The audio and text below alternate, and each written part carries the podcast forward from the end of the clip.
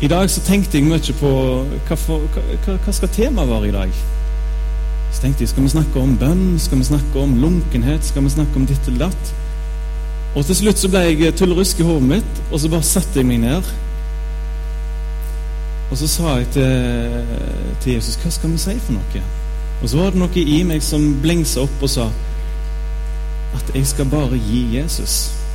Så i dag så har jeg lyst til å skryte av Jesus.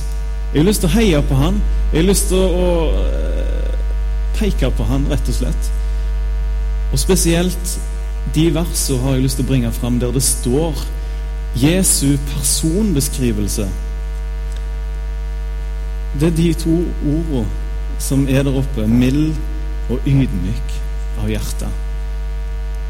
Det er ikke ofte vi får en beskrivelse av Jesus på den måten der. Men her sier han sjøl 'Jeg er mild og ydmyke av hjertet'. Jeg har lyst til at uh, i dag så skal vi spole oss til, til, Jesus når han sier det, men det kommer etter ganske snart. Jeg og du eh, som tilhører Jesus, skal være hans vitner. Vi skal være ryktespredere. Vi skal bringe videre det vi sjøl har fått. Spre evangeliet, spre det gode budskap. Eh, alle som tilhører Jesus, blir bedt om å gjøre det. Alle som er kristne. Det er ingen forskjell. Og så er det enten-eller. Det fins ingen sånn 'jeg er nøytral kristen' som har valgt å ikke fortelle det. Det er ikke et alternativ. Jesus ønsker å kalle deg og frelse deg og være din herre på en sånn måte at du ikke klarer å la være og dele det du har fått. Han ønsker virkelig å nå inn til deg, at han blir det viktigste. Og det hjertet er fullt av, det taler munnen. Så Jesus har lyst å være det viktigste i ditt liv. Og Er du en kristen, så håper jeg at han er viktigst for deg. Det er ikke alltid vi har de dagene der vi kan si at Jesus var øverst på flaggstangen i dag. Men det er noe med vår innstilling og holdning jeg ønsker at Jesus skal være nummer én. Jeg vil dytte han opp på den plassen hver gang jeg setter noe annet i veien. Og så, Det var den ene. Jesu vitner. Det er det ene alternativet. Det andre alternativet det er de som ikke tilhører Jesus, og de som står han imot. Det fins faktisk ikke en nøytral, ikke-kristen tilværelse heller. Enten er du for Jesus, eller så er du mot Jesus. Det kan jeg vise i forhold til Bibelen òg, hvis vi tar et neste bilde. Har dere sett dette bildet her? Det er et bilde der eh, Martin Luther han presten som, Ikke han som har eh, begynt Misjonssambandet, Norsk Luthersk Misjonssamband, men det er han som eh, hadde den reformasjonen tidligere for en del hundre år siden tilbake i Tyskland. Og så var Martin Luther veldig opptatt av én ting, og det var nemlig det å male Kristus fordi han talte til. Sånn at Det var ikke Martin Luther som skulle på en måte være den som sto igjen, sånn som vi snakket om tidligere. Det var ikke han folk skulle snakke om etterpå. Men han skulle tale om Jesus på en sånn måte at det var han som de så for seg levende. Hang der på korset for dem. Og så sier Paulus om dette Dere som har fått Jesus Kristus malt for øynene som korsfestet. Det er det som er målet med forkynnelsen. Jesus blir levende for deg. Og så ser vi den andre gruppa. Djevelens gruppe. De vantro. De som ikke aksepterer Jesus Kristus som Guds sønn og herre i sitt liv. De får dette verset her i 2. Korinterbrev 4.4. De vantro, som har fått sine sinn forblindet av denne tidsalders Gud, for at ikke lyset fra herlighetens evangelium om Kristus, som er Guds bilde, skal skinne for dem. Og vet du hva, Her er det egentlig hele kampen står. Vi som er kristne, ønsker å male Jesus for andre, ønsker å vitne om ham. Og så har du alle de vantro alle de som ikke er kristne. som ønsker å rive det ned, som ønsker å viske det vekk. Og så står det faktisk i Bibelen at det er ingen som er helt nøytrale. Hvis du ikke er kristen, skal du høre hva som står i Efeserbrevet kapittel 2 og vers 1 og 3. Også dere gjorde han levende, dere som før, dere som var døde i deres overtredelser og synder. De som dere en gang vandret i, etter tidsånden i denne verden, etter fyrsten over luftens makt, den ånd som nå er virksom i ulydighetens barn. I disse levde også vi alle før i vårt kjøds lyster, og vi gjorde som kjød og tankene ville. ville. Vi var av naturen vredens barn, slik som de andre. Og Så kan jeg ta med et veldig fint vers rett etterpå. Men Gud er rik på miskunn, og på grunn av sin store kjærlighet som Han elsket oss med, gjorde Han oss levende sammen med Kristus. Da vi var døde i overtredelsene, og av nåde er dere frelst. Altså Det jeg prøver å si nå eh, Djevelen er faktisk så organisert og så til stede i denne verden. Han blir kalt denne verdens gud. Og de som ikke tilhører han, er på en eller annen måte influert av han. Og mange uten at de vet det, så er de med å rive ned malerier av Kristus her, her på jord. Det er ganske tøffe ord, men det er faktisk sånn realiteten er. Og Det som er det tragiske, er at det er folk sjøl som ikke er kristne, de er blinde for det og ser det ikke sjøl. De er ikke klar over at de er med på å rive ned malerier av Jesus, hvis dere tar det bildet. Derfor så er det så viktig at jeg og du er vitner for Jesus. Og alle våre vitnesbyrd, alt det vi ber, alt det vi forteller om Jesus til andre, da reiser vi opp et maleri for andre mennesker. Og så kan de begynne å få se noe. Og med det som vi viser dem av Jesus, så kan de bli frelst. Så kan vi på den måten så kan Jesus rive dem ut av mørkets makt og sette dem inn i sitt elskede sønns rike. Forstår dere dette? Dere er med på tanken? Dette er, dette er vesentlig, altså. Og jeg håper at dette alvoret her kanskje kan inspirere deg til å tenke at eh, Vet du hva? I det siste så har jeg ikke brydd meg så mye om det å være et vitne. I det siste så har jeg tatt lett på disse tingene her. Men hvis det er sånn at mitt vitnesbyrd kan være med på å gjøre at andre får se Jesus med sitt hjerte, vet du hva, da vil jeg være et vitne. Da vil jeg være med på det.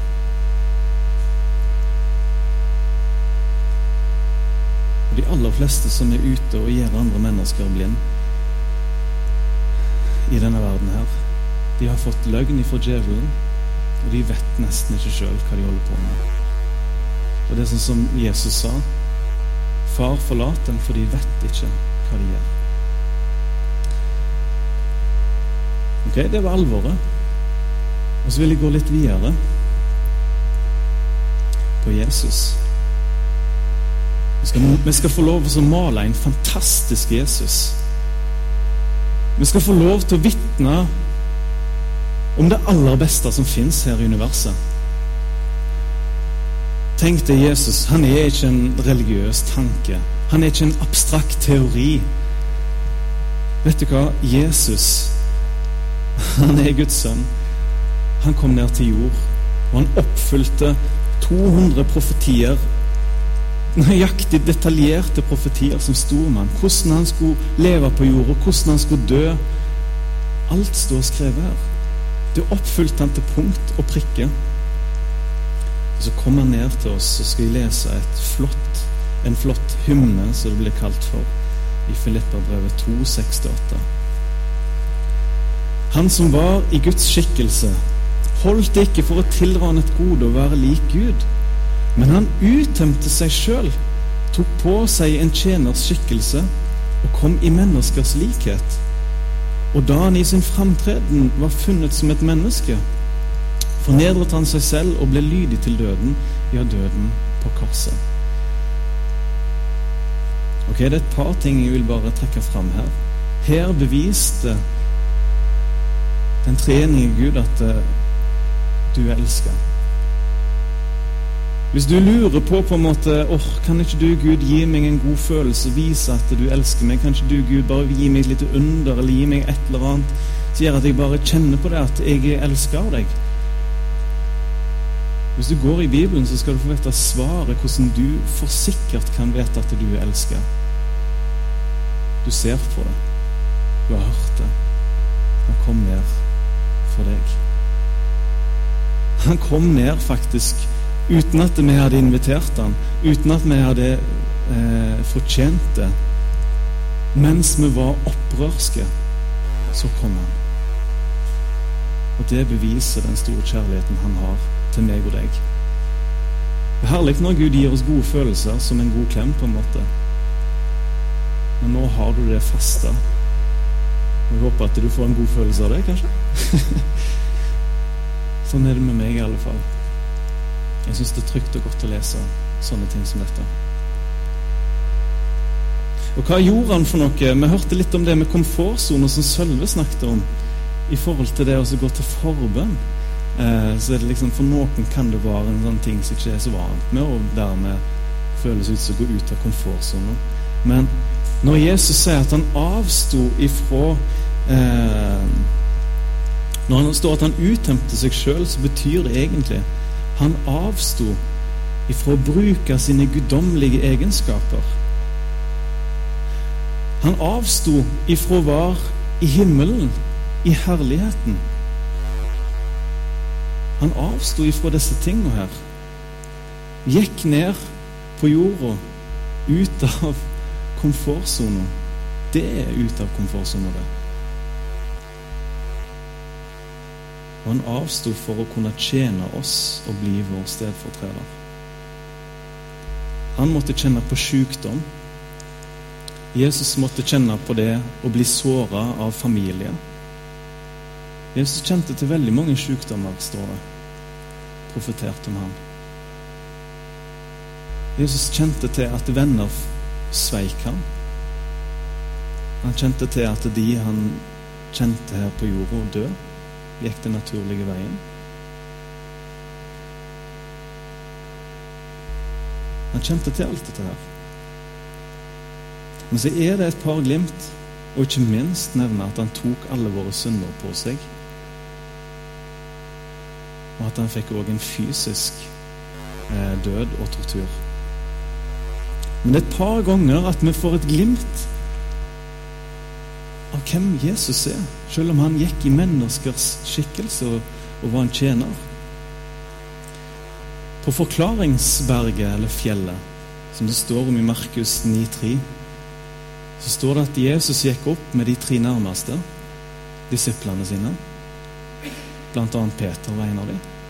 Når de var på det fjellet, så kom det noen skyer og, og bare omsverma dem og så står det at, eh, at Jesus han skifta en skikkelse, og klærne ble strålende hvite. Og Plutselig der kom Moses, og der kom Elia, og de begynte å diskutere det som lå foran på Golgata. Jesus strålte, og de fikk et glimt. Peter fikk et glimt. Og det var så skjønt det glimtet Peter fikk, at han ble helt tullruska og begynte å tenke «Eh, Jesus, skal, skal vi ta oss og bygge ei hytte her, for her er det godt å være? Her er det godt å være. Men vet du hva? I sin nåde og i sin kjærlighet til oss så forblei ikke Jesus i den herligheten på det fjellet der. Men han tenkte på meg og deg. Og skya forsvant. Herligheten avtok. Klærne fikk den samme gamle gråfargen tilbake igjen og ble skitten igjen. Og så gikk han på korset for meg og deg. Det var ett glimt. Kontrasten. Et annet glimt vi får av hvem Jesus er. Han som så så stakkarslig ut på jord, var som en av oss. Kongenes konge. Som en av oss. Det var når 500 soldater skulle gå og hente han i Getseman og pågripe han. Ypperste presten hadde gitt klarsignal. Nå, nå går dere med Judas i spissen. Og så står det at når de spør etter Jesus, så står Jesus fram og sier 'Jeg er'. Han sier på en måte 'Jeg er den dere leter etter'. Og så sier han 'Jeg er'. Og Hvis dere husker hvordan Gud presenterte seg sjøl for Moses gjennom den brennende busken, så spurte Moses når jeg, når jeg skal gå til Egypt og fri ut israelittene, hvem skal jeg si har sendt meg? Så sa Gud til Moses, 'Jeg er har sendt deg'. Og akkurat det samme sa Jesus i Getsemane. Og jeg tror de soldatene og alle sammen fikk et glimt at her står vi framfor universets herre. Og Det står at alle soldatene rygga tilbake og falt do i bakken. Jeg ser for meg det, det må ha vært verdens beste dominogreie, altså. 500 soldater bare drrr. Et lite flashlight av Guds sønn, hvem han egentlig var. Og de fortumla seg igjen. Og Jesus på en måte bare stiller seg fram at eh, 'Her er jeg. Bare ta meg'. Og så lot han seg bli fanga, og senere henretta på korset.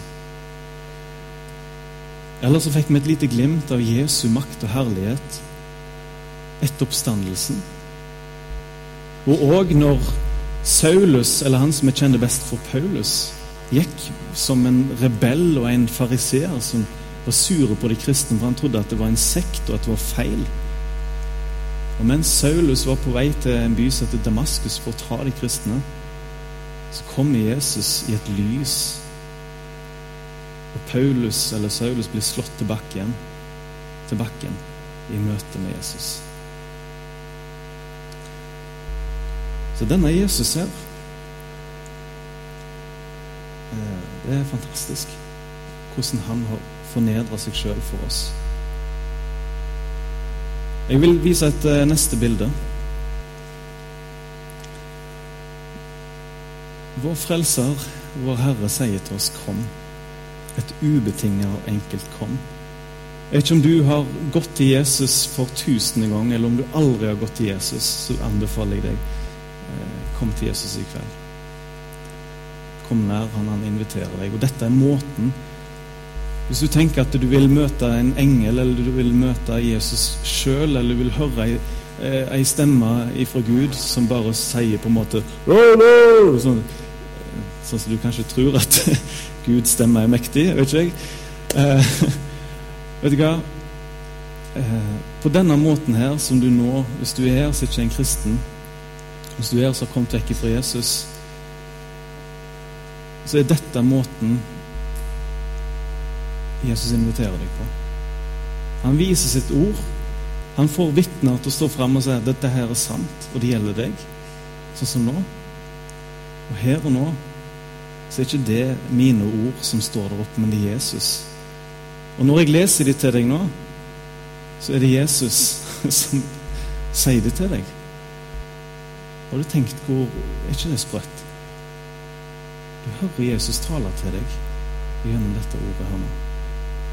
Og nå vil jeg forkynne det til deg, og så skal du få lov å ta det til deg. Som Hans ord til deg. Kom til meg, alle dere som strever og bærer tunge byrder, og jeg vil gi dere hvile. Ta mitt åk på dere og lær av meg, for jeg er mild og ydmyk av hjerte. Og dere skal finne hvile for sjelene deres. For mitt åk er ganglig, og min burde er lett. Det er et ord der som er litt sånn eh, jærsk, kanskje. Litt sånn bondespråk, og det er et åk. Og For deg som ikke vet hva et åk er, som har bodd for lenge i byen eller noe, ikke? så er det i alle fall når to okser går og pløyer, så har de en sånn tre stykker oppå seg og tau bak til han som pløyer. Så det som er tre stykker, er åket. da. Så meningen er at når du tar på deg et åk i lag med Jesus, så står Jesus på den ene siden som en slags okse. Og så står den trestykket ut, og du skal få lov å gå på sida av Jesus. Og så er det med hans kraft og hans styrke at du får lov å gå bort igjennom. Det er ikke du som skal dra lasset, men det er gjennom Guds kraft at du får lov å leve som en kristen. Det er det, det bildet her er ment som.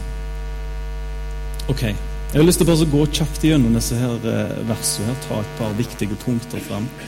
Og Det første er den der overskriften her. Det er et ubetinga 'kom'.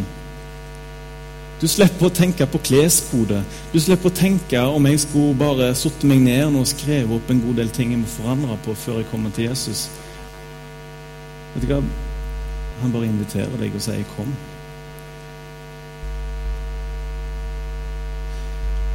Det neste som jeg syns er fint her med dette verset, hvis vi får opp eh, neste bilde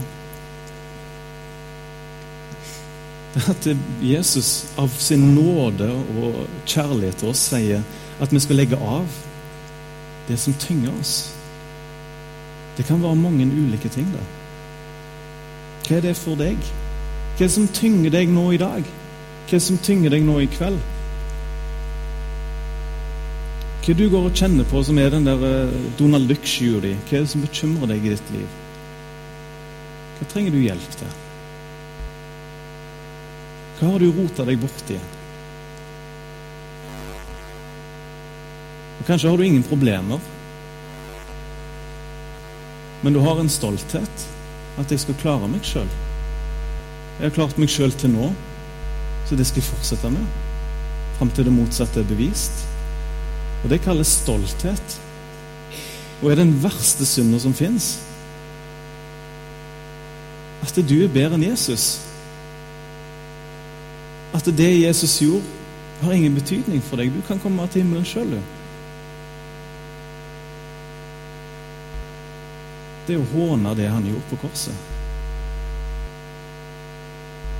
At det var forgjeves, alt han gjorde. Så står det her en del ting vi skal få lov å legge av. Og så er det så merkelig at, eh, at vi kan få en sånn dyster stemning når vi hører en del ting vi skal få legge av. Og så sier jeg bare halleluja. Så fantastisk at vi skal få lov å slenge av oss disse tingene som tynger. Tenk at jeg skal få lov å hive av meg den stoltheten. Tenk at jeg skal få lov å legge av meg de syndene der. Og jeg har lagt ned et par sånne typiske eh, punkt. Det kan være synd, stolthet. Det kan være djevelens bånd og angrep. Det kan være frykt og angst. Ting som stresser deg inni deg. Kanskje blir du livredd tanken på å følge Jesus mer helhjertet. Tenker på hva vil alle de på jobben, vennene mine, familien min si hvis jeg begynner å bla opp i Bibelen og faktisk begynner å gjøre alvor av dette her jeg tror på. Jesus vil du skal legge det av.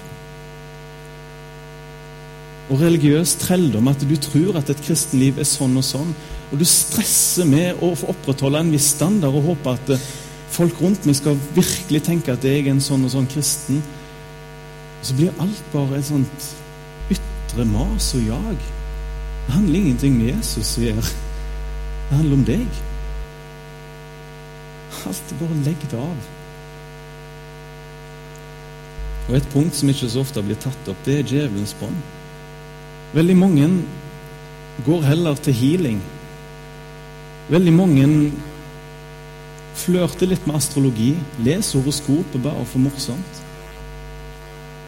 Noen går kanskje til spåkone eller spåmann, eller går til å oppsøke et eller annet sånt og syns at det virker interessant og spennende. Litt spennende med det.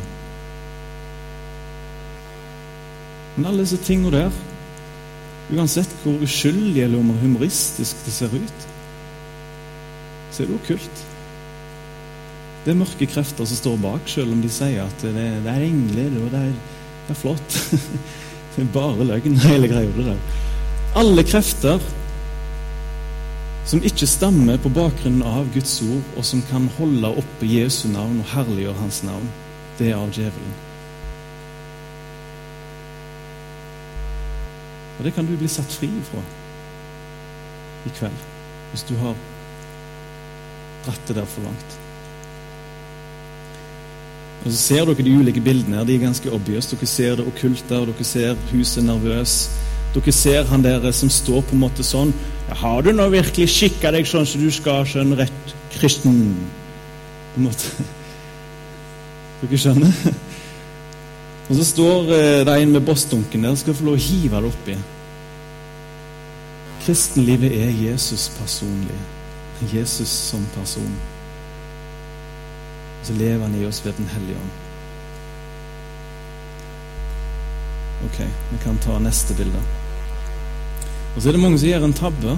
Når de legger ting av seg, så har de gått til forbund en gang, eller de, har, de snakket med noen, og så hadde de det møtet, og syntes de det var flott. Og så kom hverdagen. Og så glemte de å sette seg ned med Jesu føtter. De tenkte jeg venter litt med det nå. Nå lever jeg litt på det jeg hadde. Og så er Bibelen klar på at vi må fylle oss opp. Vi skal få fred og hvile istedenfor sunn og angst. Vi skal få Guds ord og gode råd og veiledning istedenfor alt mulig fiksfaks som er ute på markedet. Og vi skal få Den hellige ånd,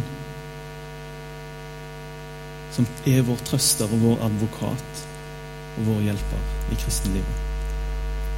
Og så skal vi få lov til å få lov å sette fokus på noe helt nytt og større enn oss sjøl. Vi skal få lov å ta i bruk den nådegave. Alle dere som er kristne, som følger Jesus, har fått en nådegave, har fått en mulighet til å vitne for andre mennesker på en eller annen måte. På en eller annen måte.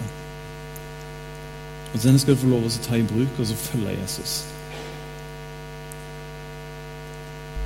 Dessverre er det mange som stopper opp med det å ha tjeneste, og det følger han pga. at de er redde fullt av menneskefrykt og fullt av egoisme. Fordi da får jeg ikke tid til det. Og da begynner den å lure på meg, og da får jeg ikke gjort sånn.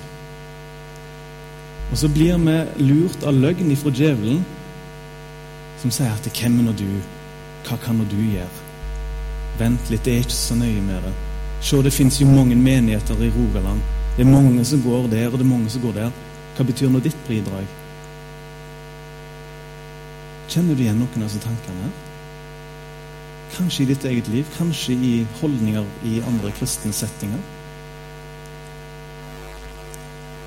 Og Hvis du begynner å bruke din nådegave, og hvis du begynner å følge Jesus og faktisk gjøre det han sier, da er du livsfarlig for djevelen.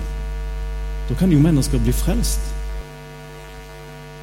Til det som er så vanvittig rått, men allikevel så vanvittig tungt og utfordrende òg. For det er en kamp.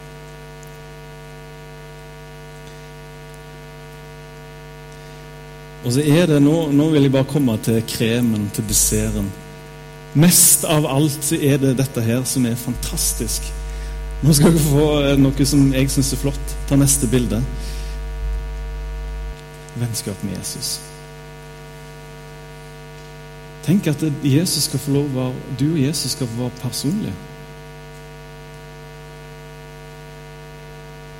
Og så står det at han er mild. Å være mild betyr at han er veldig raus. Han er veldig tålmodig. Han er full av kjærlighet til deg. Og så står det at han er ydmyk. Og det er Mange som har sikkert skrevet mange bøker om ydmykhet, hva er men nå skal dere få det jeg syns er den beste forklaringen på det. Evnen til å sette andre høyere og foran deg sjøl. Evnen til å løfte opp andre rundt deg. Har lagt merke til at de som er ydmyke, er det veldig godt å være i nærheten av. For de verdsetter deg. Mens en som er stolt, er veldig tungt å være i lag med. For han forteller alltid om alt det som han har. Alt det liksom sånn, det Fokuset er mot ham. Men en ydmyk person løfter deg opp. Han løfter deg opp. og Setter verdi på deg. Det var nok derfor mange syndere og tollere kom til Jesus. Syndere på Jesu tid det var alle de som hadde gitt opp det religiøse. Det der klarer jeg ikke. Jeg klarer ikke å være sånn som de fariseerne. Jeg klarer ikke som de skriftlærde og gjør alt det der, der, der, der, der. og tollerne, de som søkte lykke i denne verdens gode, de kom til Jesus. Hvorfor det? Jo, for de fikk kjenne at Jesus ville de det beste. Og Derfor så la de sine liv ned foran ham. De kunne være sårbare foran en mester som ville de det beste. Derfor så kan du òg være sårbar i kveld og legge ditt liv ned for Jesus Kristus. For han vil deg det beste. Du blir ikke lurt. Du blir ikke latt i stikken. Men han er trofast, og han skal gjøre i ditt liv. Jeg syns det er flott å tenke at Jesu nærvær i deres liv, det var nok for tollere og syndere. Og Jesu nåde er òg i dag nok for oss. Hans nærvær. Og Så skal vi se neste bilde. Det syns jeg er flott. Et vitnesbyrd som David har. Til Gud, eller til Jesus, som du vil. Vårt endelige mål er å være i lag med Jesus i himmelen. Ingenting som er større enn det. Tenk når du og Jesus skal snakke personlig i lag om livet her på jorda. Om alt de sammen du har lurt på. Dere skal ha vare på et personlig plan. Det gleder jeg meg til. Jeg gleder meg til det når jeg skal få Jeg håper jeg våger å ta ut armene og gi han en god klem. Jeg skal prøve på det når jeg kommer til himmelen. Men jeg vet i alle fall at han kommer til meg og legger sin hånd rundt meg. Og så står det sånn som David har sagt. Når han vil våkne ifra, når han dør og vil våkne opp, så står dette flotte her. Men jeg, jeg vil skue ditt åsyn i rettferdighet. Når jeg våkner, skal jeg mettes ved din skikkelse. Tenk at Jesus, Jesu person er på en sånn måte at når du har fokus på ham, så blir hjertet ditt fullt.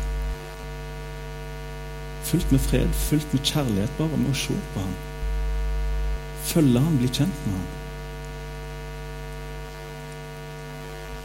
Ok.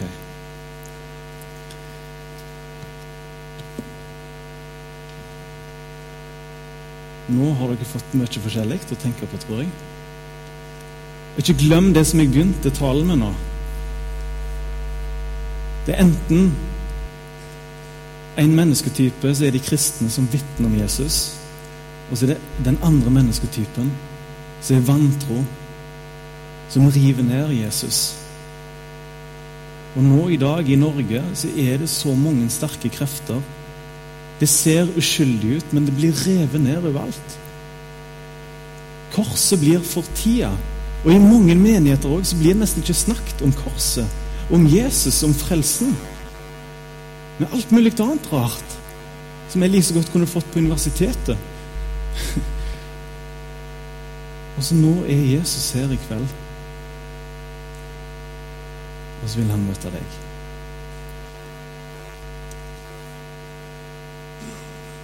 Kanskje er det noen som ser på klokka og tenker at eh, jeg har ting å gjøre i dag, eller jeg er trøtt og sånne ting. Jeg håper at du klarer å bare tenke at dette her gjelder evig liv. Dette gjelder at du kan få et møte med ham. Og i dag når vi skal ha nattverd, så skal du få lov å legge av alt som tynger deg. Alt det som du kjenner på er tungt og vanskelig i ditt liv, bare legg det vekk. Nevn det med navn for Jesus med stikkord. Du ser de greiene der. Du kjenner det, de greiene der. Jeg legger det framfor deg. Og så kommer du til nattverden etterpå, og så skal du få lov å ta imot Guds nåde helt konkret og synlig i ditt liv. Og mens du nå sitter her, så vil jeg be lite grann. Og så kan du få åpne deg opp for Jesus, for Den hellige ånd er her. Den hellige ånd er her. Og Det står faktisk i Bibelen at eh, Guds løfter er ikke langt vekk oppe i himmelen eller langt over havet eller liksom nede i Hawaii eller hvor som helst. Det er her og nå. Det er deg nær. Og så sitter vi og kanskje lurer på alt mulig og tenker vi skal ha de følelsene sånn og sånn. Bare åpne deg opp nå.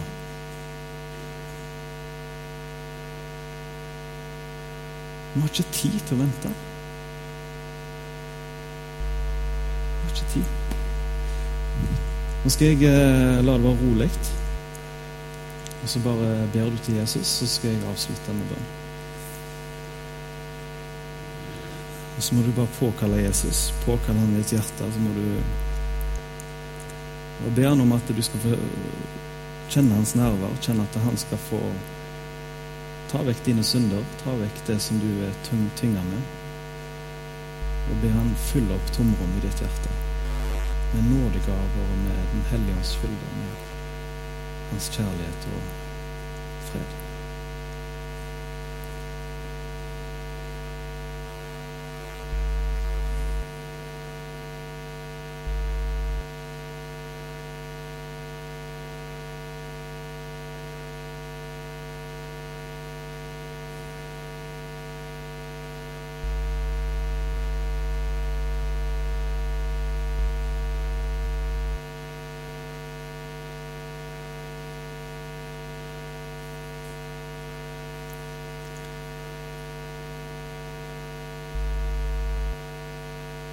Kjære Jesus, jeg bare ber for uh, dine disipler at du skal høre deres bønner sånn som de har bedt. Jeg bare ber om at du må komme, Hellige Ånd. Kom og gjør sånn at vi får lyskasteren på Jesus, at han er malt som korsfesta framfor oss.